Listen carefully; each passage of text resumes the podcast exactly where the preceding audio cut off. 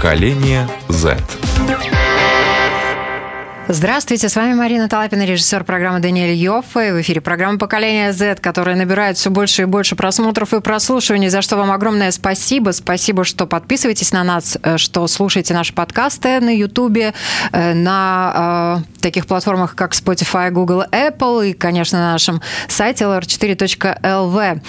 И э, сегодняшняя наша тема называется «Я бизнес-гелл». И, конечно, речь идет не обо мне, а о девочке, которая с 8 лет решила, что она станет бизнес-вумен и стала ею. И она у нас сегодня в гостях. Я рада представить у нас сегодня Анастасия Кошелева. Настя, привет. Здравствуйте, здравствуйте. Очень рада тебя видеть тем всем, кому интересно, как построить свой бизнес, начиная с 18 лет, Пожалуйста, садитесь, берите листочки и даже, может быть, что-нибудь записывайте, потому что, я думаю, сегодня много полезной информации прозвучит от э, девушки, которая сама через все это прошла. Настя, давай для начала расскажи всем, кто ты, что ты, какой у тебя бизнес, как он начался. Ну, я начну сдалека. Изначально вообще я танцор профессиональный, с большим стажем.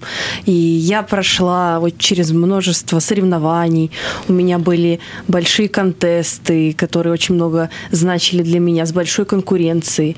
И я привыкла постоянно ставить цели и идти к достижению. Иногда были провалы, иногда были выигрыши. И, наверное, это этот опыт, он послужил основой для того, чтобы я пришла к созданию собственного бизнеса. Танцы спортивные, Танцы восточные. Танцы восточные, ага, танцы восточные. И каких успехов ты достигла? Ну, в принципе, я не скромно могу сказать, что собрала очень много первых мест на прибалтийских соревнованиях и недальнего зарубежья тоже. Но потом случилась пандемия, и мы все творческие люди-артисты остались дома. И тогда мы кто как, кто-то стал переквалифицироваться, как это сделала я, например кто-то остался в этом. То есть э, очень-очень по-разному сыграло на нас. Но вот у меня вылилось именно в таком ключе, что я пришла к идее, что я точно уже хочу иметь собственный бизнес. Я просто поняла, что более подходящего и классного времени для реализации этой затеи не будет. Угу. И ты танцами ты уже зарабатывала? Да, да, да, да. Это был мой первый заработок с 14 лет. Вот так вот.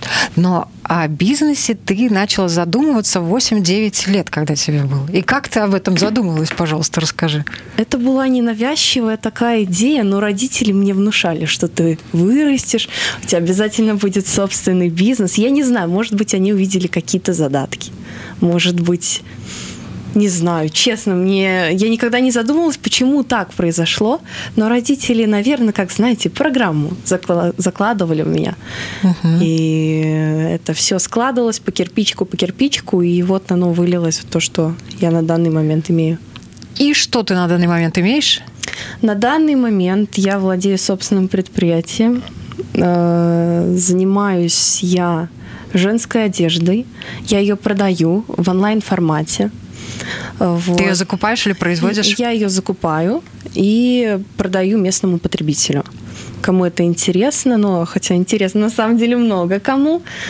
Э, я скажу так, это звучит все классно, здорово, интересно, но на самом деле это так непросто.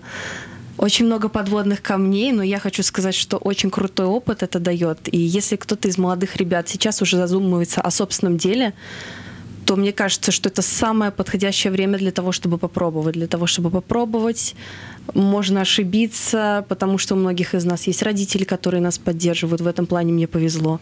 То есть я могу пробовать, я могу рисковать, я могу ошибаться. И будут родители, которые меня поддержат. Это та поддержка, та подушка, которая даст мне упасть и выпустит, если что, давай с новыми силами, с новыми силами, давай снова в бой врывайся. Твои родители чем занимаются, если не секрет? Мой папа руководит э, строительными работами, иногда сам их исполняет. Мама же с рождением детей, у меня брат еще есть, которому сейчас 15 лет, она осталась дома и воспитывала нас.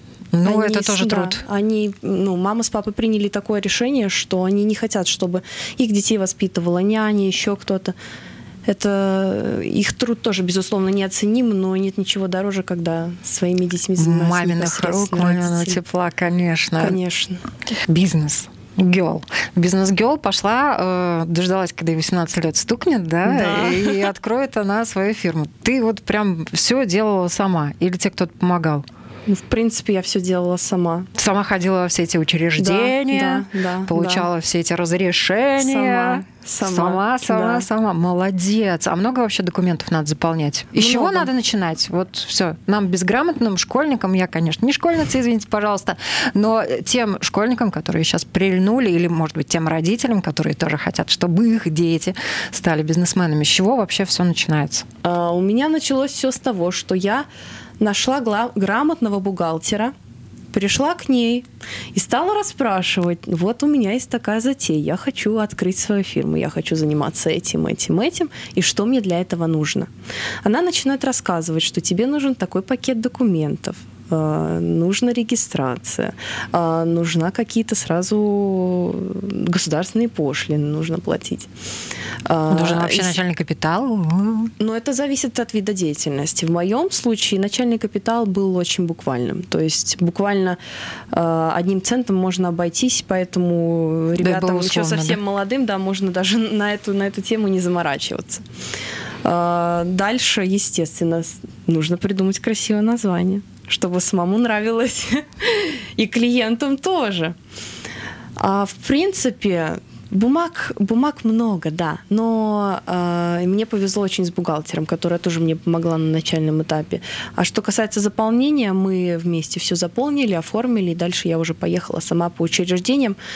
Заняло это все около двух недель. То есть процесс достаточно быстрый. При желании все можно сделать. Хорошо, а как на тебя смотрели во всех этих учреждениях? А, Они не смотрели вообще на дату рождения, что тебе только 18 лет исполнилось? Не знаю, я как-то с таким не Никто сталкивалась. комплиментов не делал, там, вау, 18 лет, уже бизнес. Никто не похвалил. Как-то нет. У них Нет, это рутина. уже- Для это- них Наверное. Может быть, они не смотрели на дату. Мне кажется, что в жизни я слегка старше выгляжу, чем свой возраст. Но в окружении ребята, кто узнавал, кто узнавал э, постарше, кто-то родители ребят, конечно, это звучит достаточно интересно. 18 лет, собственный бизнес, ничего себе. То есть, в принципе, тебе уже сегодня 19 Мне лет. уже 19, да. да. То есть бизнесу твоему уже больше года. Да, 23 сентября исполнился год. О, В общем, а вас и 24 поздравляем. я получила свои водительские права, так что у меня очень символично все сложилось. Я была очень рада. В любом случае, для того, чтобы открыть свое предприятие, нужен начальный капитал.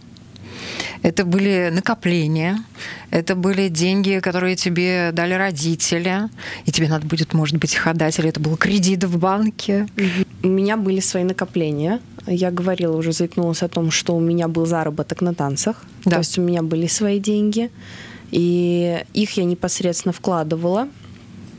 Был период, когда э, я разговаривала с папой, и он видел, что у меня идет, и он предложил мне, давай я тебе одолжу некую сумму, но это уже было спустя, наверное, полгода, Мгм. для того, чтобы ты смогла закупить больше товара и продать его Увеличить здесь. объемы своего Да, предприятия. Да, да, Какой да, молодец да, папа. Да, да, Но он, да. видимо, посмотрел, что у тебя идет все хорошо Да. в правильном направлении, и можно тебе в тебя инвестировать, Наверное, вкладывать наверное. деньги. Потому что, опять-таки, э, занимать капитал на начальном этапе достаточно рискованное дело, особенно когда стоит большой вопрос, пойдет ли этот бизнес успешно или же он провалится спустя недолгое время работы. Поэтому лучше, конечно, но это лично мое мнение, э, обойтись собственным капиталом, либо выбирать бизнес, который не требует больших вложений на начальном этапе. Сколько тебе денег на начальном этапе потребовалось, если не секрет? А, Не секрет. На самом деле это не очень большая сумма для открытия. а, Где-то 300-200 евро. Вот так вот, да. Да. То есть, в принципе, абсолютно подъемный для любого школьника, которого, который даже, наверное, подрабатывает э, и в школьный период, и Да, в школьный да. период. А ты работала вот когда... э, Я знаю, что сейчас очень много школьников подрабатывают, у нас об этом программы тоже были. Многие идут в летний период, кто-то работает даже во время учебного года. У тебя были такие подработки? Опыт У меня, таких подработок? да, были оплачиваемые, были неоплачиваемые, но я тот человек, который пойдет в первую очередь за опытом, а потом уже за деньгами. То есть для меня важно, чтобы это был классный классный опыт, который мне Э, пригодится в жизни, где я смогу себя попробовать в какой-то среде, понять, оно мне нравится, оно мне не нравится, потому что я опять-таки скажу, что такой сейчас у нас период, когда нам надо пробовать, нам надо понимать, чтобы раскусить, нравится, не нравится, хочу я с этим быть связан или не хочу. Да, у меня были э, опыт работы и в банке, э, был опыт работы и в магазине, кстати, ну вот чем я смежно сейчас занимаюсь был опыт работы этим летом в детском лагере. Тоже безумно интересно.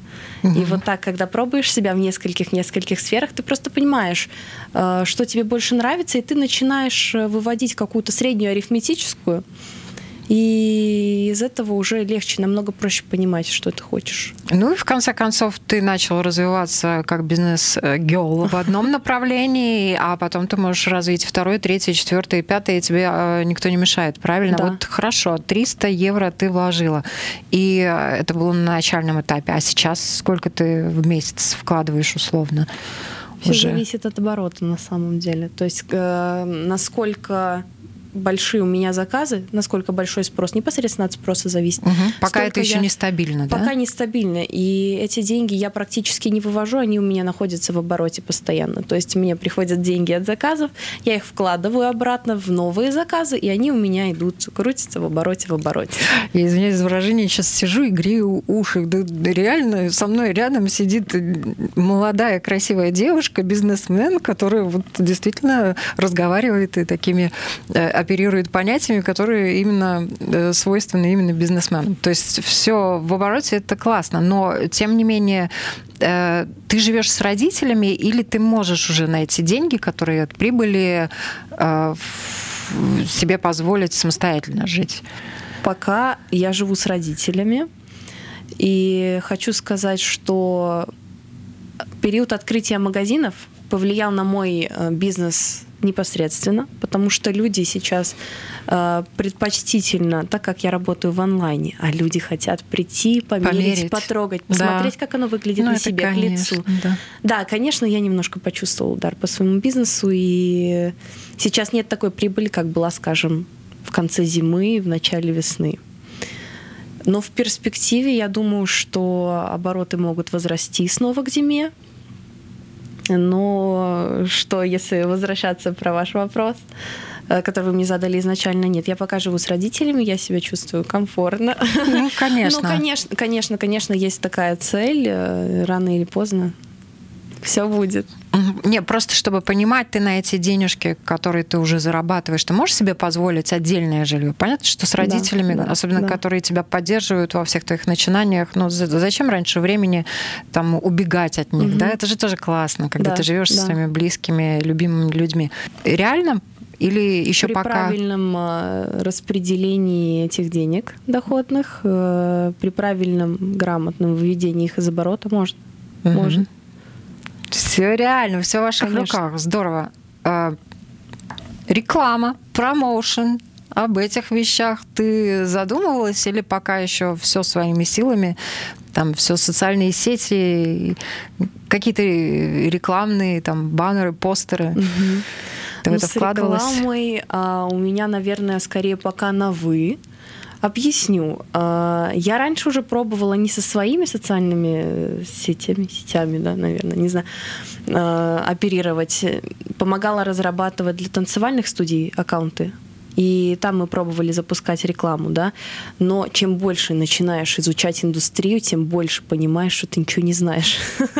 Вот, и с рекламой так же само. Когда я попробовала применить рекламу непосредственно для своего бизнеса, я просто столкнулась с несколькими рядом проблем, но это было связано именно с Facebook сетью, что иногда списывается, например, больше денег с карты, чем должно быть. И в связи с этим я приостанавливала, например, платную рекламу. Я э, пыталась ее реализовывать собственными силами, да, то есть какие-то купоны, которые я делилась, например, с еще одной девочкой, тоже моей ровесницей, которая занимается, она мастер по красоте, брови, ресницы, все между собой. Давай, угу. а давай будем друг друга продвигать, а давай. Да, да, да, да, да. А так, в принципе, своими силами, да. О платной рекламе я еще пока пока пока у меня был этот негативный опыт э, с тем, как деньги с карты снимались больше, чем они должны были, я решила, что я это приостановлю и попробую другие пути. Вот. Но я думаю, что на самом деле еще есть очень много чему учиться, и ну, да, на этом не стоит останавливаться сто процентов. Школа уже да. позади? Нет еще. Нет, Нет еще? еще. У тебя еще впереди диплом. Да, у меня еще впереди диплом. И на самом деле такое странное ощущение, когда все ровесники уже выпустились из государственных школ, где идет 12 классов образования, поступили на первые курсы в университет. А так как я учусь в профессиональной средней школе, у меня 4 года обучения. И можно считать, что я сейчас заканчиваю 13 класс.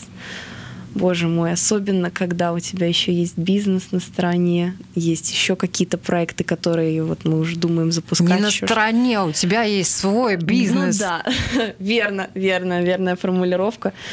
И вот этот последний год, он кажется самым мучительным. Сложным. Сложным. Именно вот кажется, что он так все тянется, тянется. Но надо закончить, потому что диплом, он, конечно, ну, важен.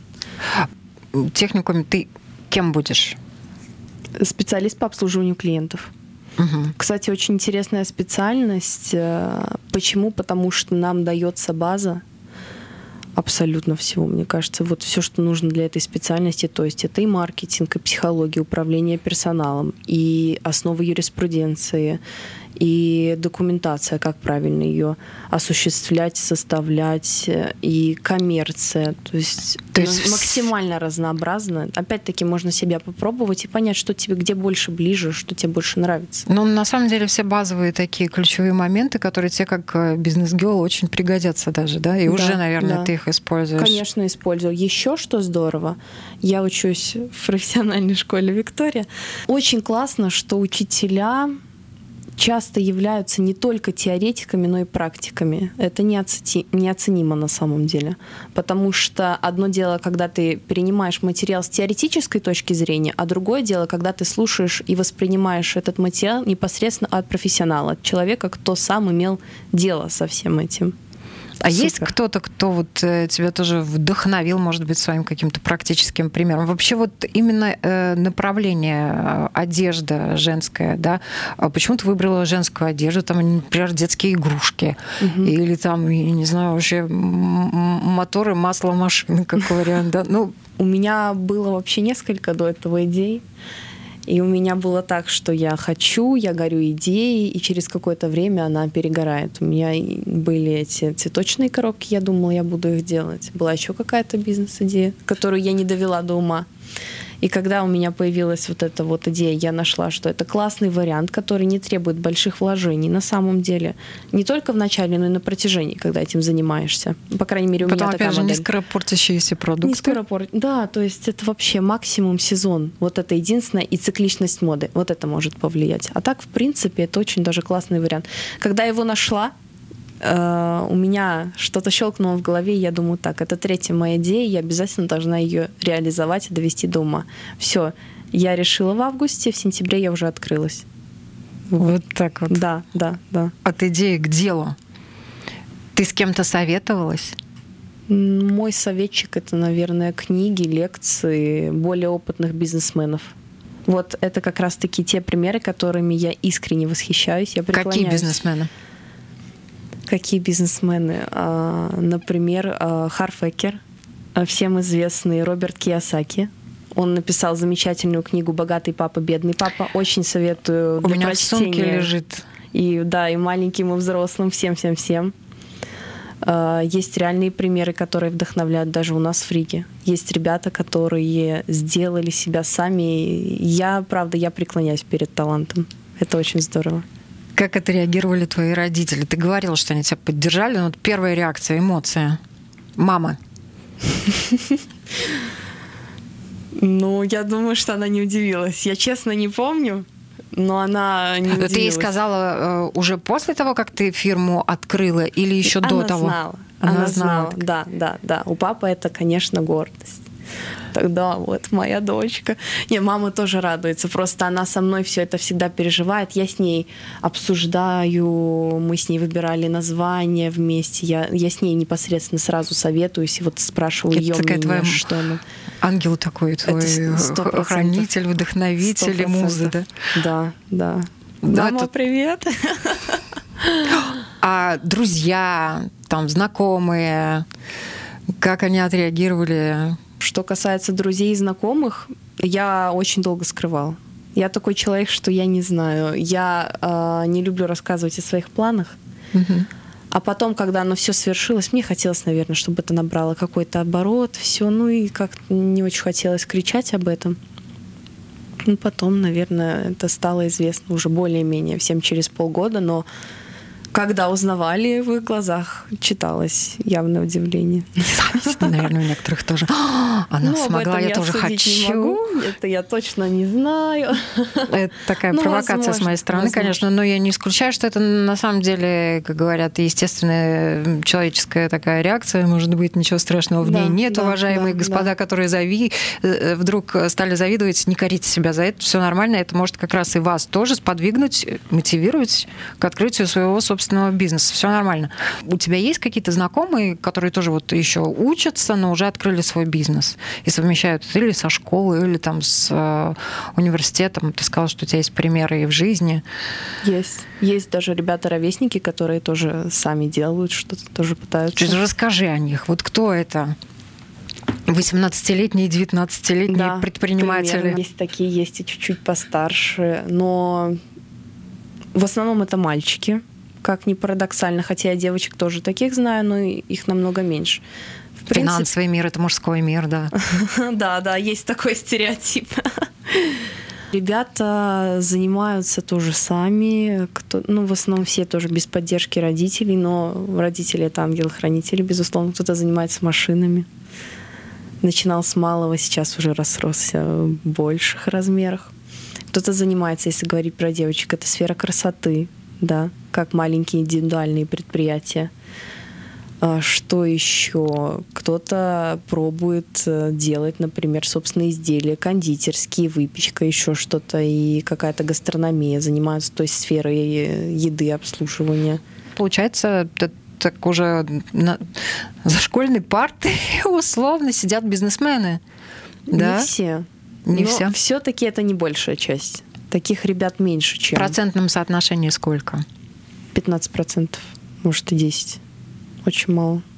Ну, ты знаешь, я думаю, что это много по сравнению с предыдущими десятилетиями, когда таких, наверное, вообще были хорошо, если единицы. Угу. Так что если возможно. эта тема набирает обороты, то, возможно, это уже даже станет тенденцией. 10-15% школьников, уважаемые господа, будут в будущем уже реальными бизнесменами платить налоги государству, давать э, другим людям рабочие места, нашему замечательному государству тоже. Вот за кем будущее.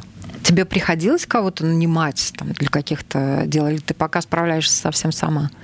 Мы пробовали с подругой совмещать. Но э, наш проект на тот момент долго не продлился. Но в перспективе, конечно, я думаю, что мне моих двух рук уже не хватает. Мне нужно еще для, для охвата большего количества людей, большей аудитории. Безусловно, нужны помощники, я это ощущаю когда тебе придется принимать людей на работу, ты представляешь, да, тебе надо будет там CV читать, смотреть. Это могут быть люди старше тебя, да? Да, ну, да, да. Может быть, понимаю. с опытом и так далее. Вот ты такие вещи уже прокручивала? Думала об этом? Не настолько, не так далеко, честно говоря. Я прокручивала, как это можно сделать для молодых ребят. То есть э, есть э, даже у нас в Латвии порталы, которые предоставляют практику просто для того, чтобы молодой человек смог набраться опыта. Да? Например, ему интересна банковская сфера, он может выбрать банк и пойти туда попрактиковаться, примерить на себя униформу э, работника банка и посмотреть, каково это. Я думала, что свое предприятие я могу заявить так же само на участие в этом проекте. И ребята, кому будет интересно с электронной коммерцией ознакомиться, посмотреть, как работает этот бизнес. Может быть, кому-то захочется тоже в этом поучаствовать. Я на самом деле думала, что можно предоставить такую возможность практики им и помощи мне. Мне кажется, что это было бы обоюдно классно, интересно.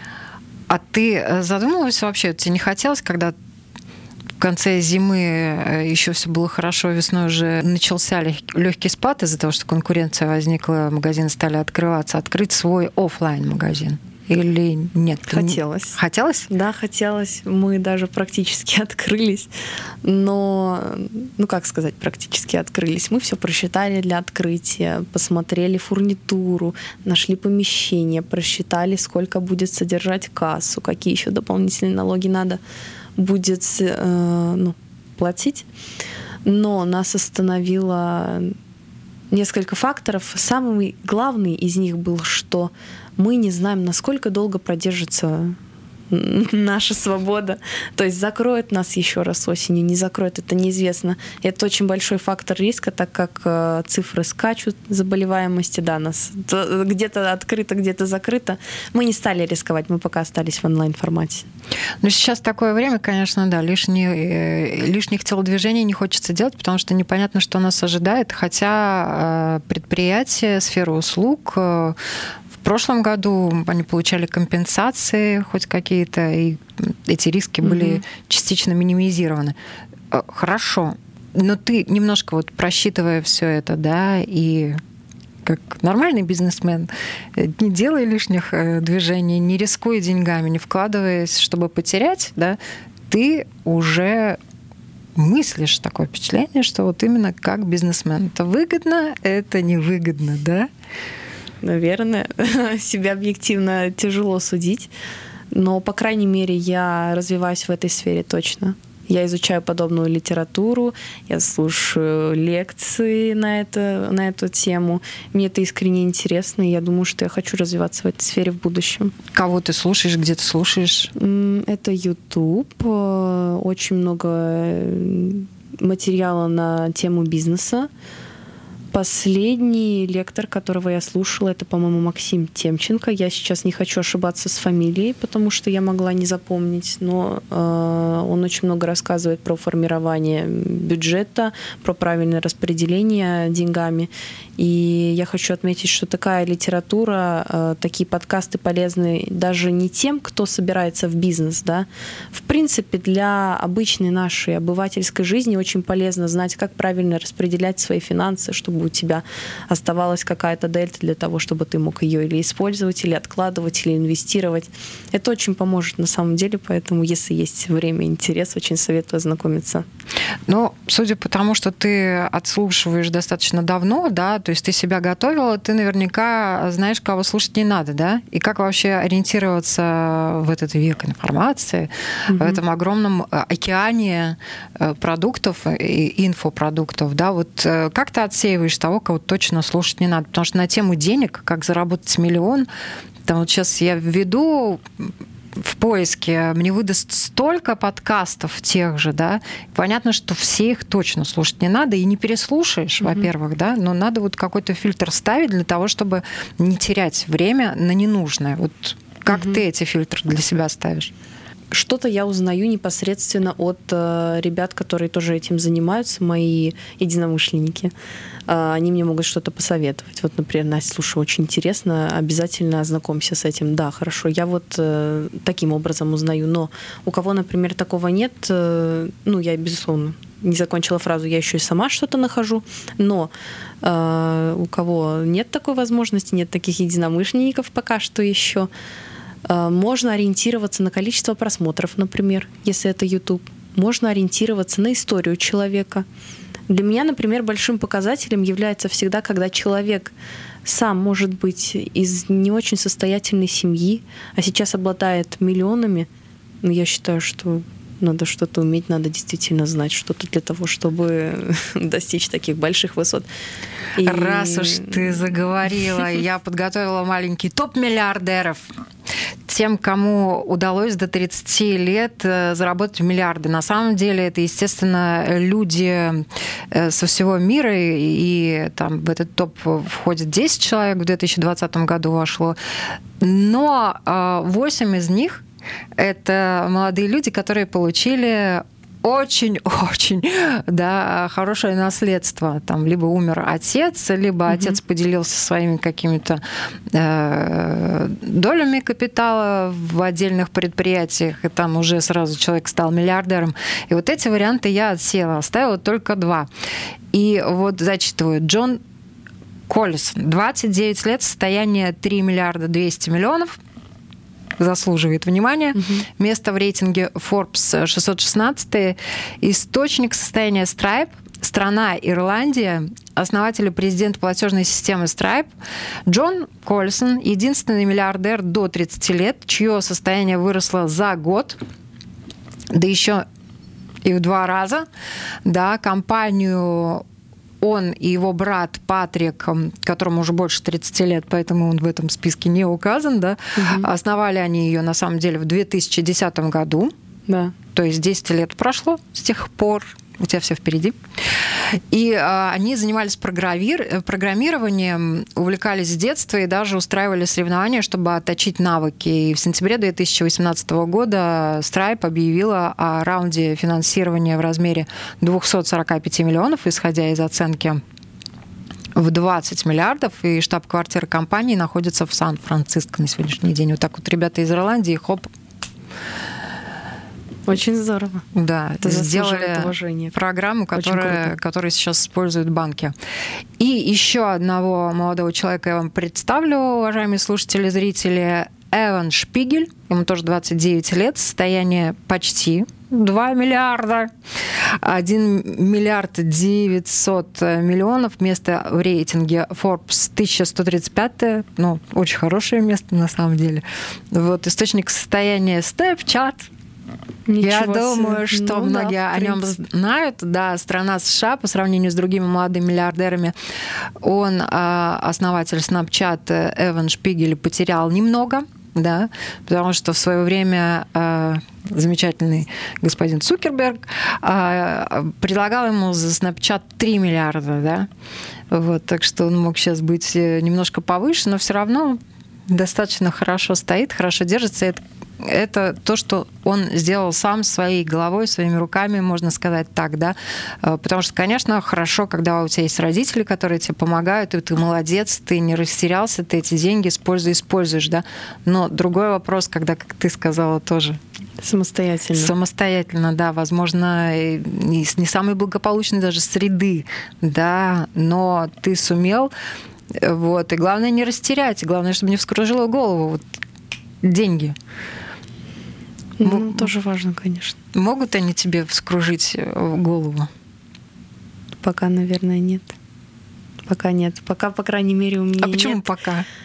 Потому что у меня еще, я еще иду к той цели, которую я хочу достичь. У меня еще нет тех денег на руках, потому что у меня большая цель. Прям хочется, а что же за цель там такая узнать? Ну, я могу сказать, что я суеверная, просто не очень люблю озвучивать потому что если, ну как, помимо суеверия, ну я об этом шучу, конечно. Ну да, не говори хоп, пока не перепрыгнул. Да, да, да, да, потому что я как человек более деловой, я привыкла говорить и исполнять. Если оно вдруг по каким-то причинам не исполняется, я очень некомфортно себя чувствую. Ну, я как журналист имею право быть любопытной, конечно, правда? Конечно, конечно, конечно. Хорошо, вот ты сказала про цели. Ты ставишь себе какие-то цели, там, я не знаю, планируешь, вот к этому году, там, за пять лет я должна достичь этого? У меня так пока не получается, хотя я знаю, что так надо для того, чтобы лучше систематизировать. Но у меня планы большие, амбициозные. Я сейчас начинаю активно работать над систематизацией, потому что иначе начинает появляться хаос. Угу. Но твой день начинается со скольки? И заканчивается во сколько? Ой, эм, он, конечно, начинается по-разному, но не позже, не позже 9 утра, я так думаю. Потому что для, для меня, хоть это прозвучит для 19-летней девушки, возможно, громко, но с каждым годом я начинаю осознавать ценность времени. И, конечно, чем раньше день начинаешь, тем лучше. Ты чувствуешь себя лучше, он кажется тебе продуктивнее. И практически каждый мой день проходит э, так, что я рано ухожу из дома и поздно-поздно вечером возвращаюсь. И это нормальная практика, которая длится уже на протяжении очень долгого времени, с 14 лет стабильно, если, если не раньше. Я, думал, я задумывалась об этом как раз-таки недавно. Я уже я осознаю, что это не столько, наверное, даже моя занятость, сколько уже стиль жизни. А где ты при этом занимаешься вот своим онлайн-бизнесом? У тебя есть какое-то свое рабочее место, свой мини-офис, даже вот та же комната? Или ты все делаешь по ходу в телефоне, в по планшете, ходу, в компьютере? По ходу, да. Когда это был период, когда у нас было закрыто, скажем, зима, осень, это я занималась этим в основном из дома своя комната и свое рабочее место получается. Сейчас э, есть свободное время, вот телефон под рукой, гаджет с собой, все идеально. Очень удобно, портативный компьютер переносной, можно сказать. Ну да, но все равно тебе нужно где-то хранить э, ту одежду, которую ты заказываешь, да, то есть это какие-то такие свои складские помещения, я так понимаю, в квартире имеются. Квартира, есть еще дополнительные помещения, где мы храним, там принадлежат папе моему, например. А, кто-то берет на реализацию мой товар, например, знакомая моя поэтому находится, находится место. Но на самом деле я стараюсь организовывать все так, чтобы большого количества вещей на данный момент у меня не было, то есть непосредственно по запросу, когда мне поступает запрос, я делаю заказ большой, тогда его практически сразу раздаю. Во сколько твой э, день заканчивается? Я стараюсь, конечно, вот это самая идеальная модель, заканчивать его часов в 11-10. Э, и в это время уходить спать, потому что я склонна верить, что нужно ложиться до 12 часов ночи для того, чтобы не только организм восстанавливался, но и нервная система. Я просто на себе это уже ощутила. Нужно ложиться до 12 часов ночи, чтобы ясно мыслить на следующий день. Это идеальная модель, но, конечно, порой это все затягивается. Если возникают какие-то задания, эм, по учебе. Да, по учебе, или нужно решить что-то, что возникает э, со своим делом, да, или что-то еще, там, не знаю, новое, классные идеи, не знаю, новые возникают, они захлестывают ум, и ты просто спать не можешь. Засиживаешься. Да, да, да, да, да, да. Да, да, сто процентов. Ну, бывает, конечно, но самое идеальное это вот 10-11 часов вечера, как говорят психологи. Я склонна им верить, правда. Ну, ты испытала на себе. А выходные, отдых? Не всегда на самом деле есть, потому что, опять-таки, самое удобное время для того, чтобы встретиться с клиентом, это выходной день, потому что люди на выходных, день, на выходных днях более-менее свободны, у них не так много работы, и в основном я посвящаю для того, чтобы поработать это время. Ну, конечно, конечно, встретиться с друзьями. Это тоже нельзя исключать отдых, потому что при этом графике важно соблюдать этот режим режим работы и отдыха, но у меня это получается плохо, я скажу честно. Я тоже над этим еще работаю, учусь. Мне мои родные очень об этом говорят, что Настя, нужно отдыхать. Нужно отдыхать. Я понимаю, да, что нужно отдыхать. Но я над этим работаю. Ну, молодцы твои родные, которые тебя опекают, э, тебе напоминают, что нужно отдыхать. Да, да, да ты конечно. так усердно, молодец, учишься и работаешь. Вообще, давай помечтаем. Вот через 10 лет. Ой, бизнес-гел да, превращается интересно. в молодую красивую бизнес-вумен, бизнес-леди. Вот. Ну, конечно, конечно, да, загадывать так далеко, возможно, еще рано, но... От чего рано? 10 а, лет ну, промчаться... Ну, на самом деле незаметно. Поверь. Незаметно, да. Через 10 лет, конечно, я бы хотела, чтобы это было свое, например, предприятие. Но я говорю, мне тяжело Уже просто... предприятие, которое производит и шьет, как вариант, да? А, я не уверена, что я хочу быть связана с одеждой стопроцентно. Я считаю, что это очень классный опыт. Возможно, это дело потом перейдет в чьи-то руки. Но я понимаю, что это опыт невероятный, который дал мне понять, какие у меня слабые места, какие у меня сильные места, что мне следует еще изучить. На что-то я напоролась, где-то я споткнулась. Я теперь более осмотрительна, например. На что ты напоролась? На мошенников.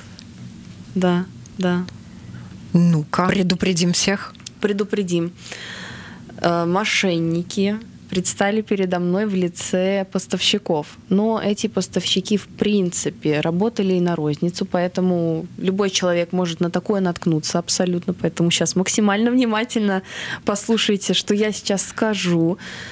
Это было так. Я открываю Инстаграм, вижу там классные картинки с тем, что я хочу заказать. То есть красивая одежда, сочные цвета, видео есть, из примерок видео есть, э, собственный шоурум сзади. То есть все максимально правдоподобно.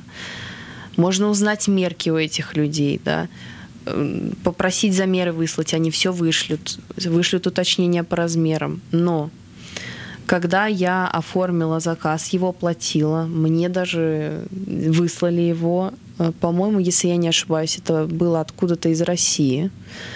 Мне выслали этот заказ, выслали накладную чек, что заказ отправлен. Когда мне пришла посылка, я не поверила своим глазам, потому что у меня был огромный заказ, и сапоги, и куртки, все-все-все. Я открываю, а там четыре вещи. Ну, ужасного качества. Я просто не знаю, как сказать это еще более лояльно. Ужасного качества. Абсолютно совершенно не то, что я заказывала, на что я планировала. Но это были убытки. Единственное, что меня так немножко успокаивало, что это были не чьи-либо деньги, а мои. Что это я не, не одолжила у родителей, еще у кого-то, там, банка. Это просто вот мои деньги, которые я заработала, я их просто... Получается, они у меня прогорели, если говорить грубо.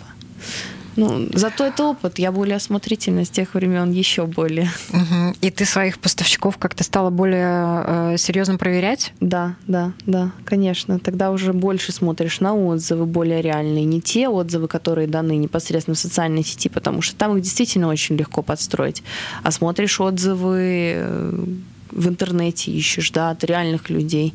И если ничего не вылезает, ничего подозрительного, тогда можно смело заказывать. Но это действительно вещь, с которой надо быть осмотрительным, потому что с развитием онлайна, естественно, мошенники тоже больше туда уходят, придумывают все новые и новые схемы. Еще какие-то сложности были, с которыми ты столкнулась, и о которых важно предупредить народ? Это была самая такая Но ну, влиятельная с... точка, самая да. большая. В принципе, нет. Просто нужно быть более осторожным в онлайне. Ну, ха-ха-ха, завершай нашу беседу, давай.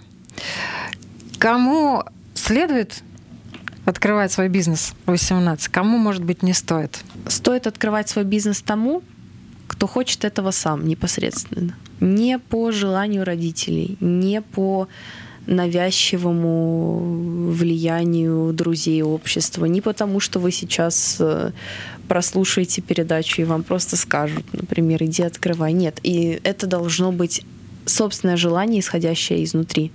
Сто процентов. Э, я считаю, что одно из важных это желание. Дальше все получится. И вернемся к тому, о чем Мы ты мечтаешь через, через 10, 10 лет. лет. Через 10 лет. Я бы хотела себя попробовать в другой стране, честно говоря. Мне очень интересно. Я просто на протяжении... Э, Это Европа или Восток? Ну, мне на самом деле... Или Восток... восточные танцы? Восточные танцы. На самом деле все интересно. Восток, мне кажется, сейчас очень перспективным. Ну, посмотрим. Все зависит от открытых и закрытых границ, на самом деле. Но пока я больше ориентируюсь на Европу. Мне хочется еще себя немножко вытянуть из этой зоны комфорта, потому что здесь, когда уже э, начинаешь чувствовать себя комфортно, немножко в уме появляется маленький дискомфорт, и кажется, так, надо что-то новое делать. Наверное, уже как-то засиделся. Поэтому мне было бы интересно, безусловно, себя попробовать в другой стране, поговорить не на своем языке. Это может быть английский, может быть еще какие-то языки, которые я бы освоила с удовольствием.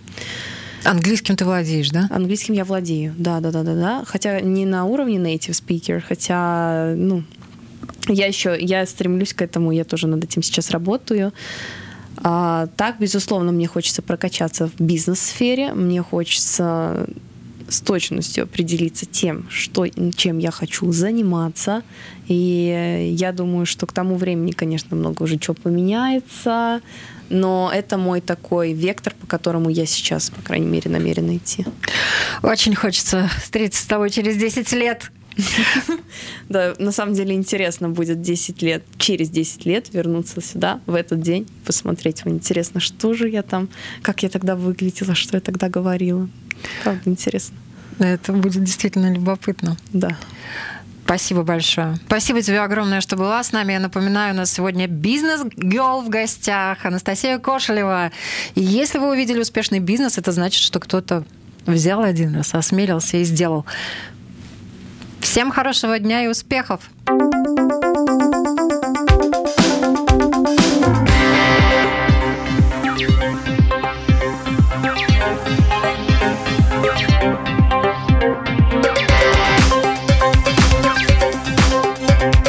Поколение Z.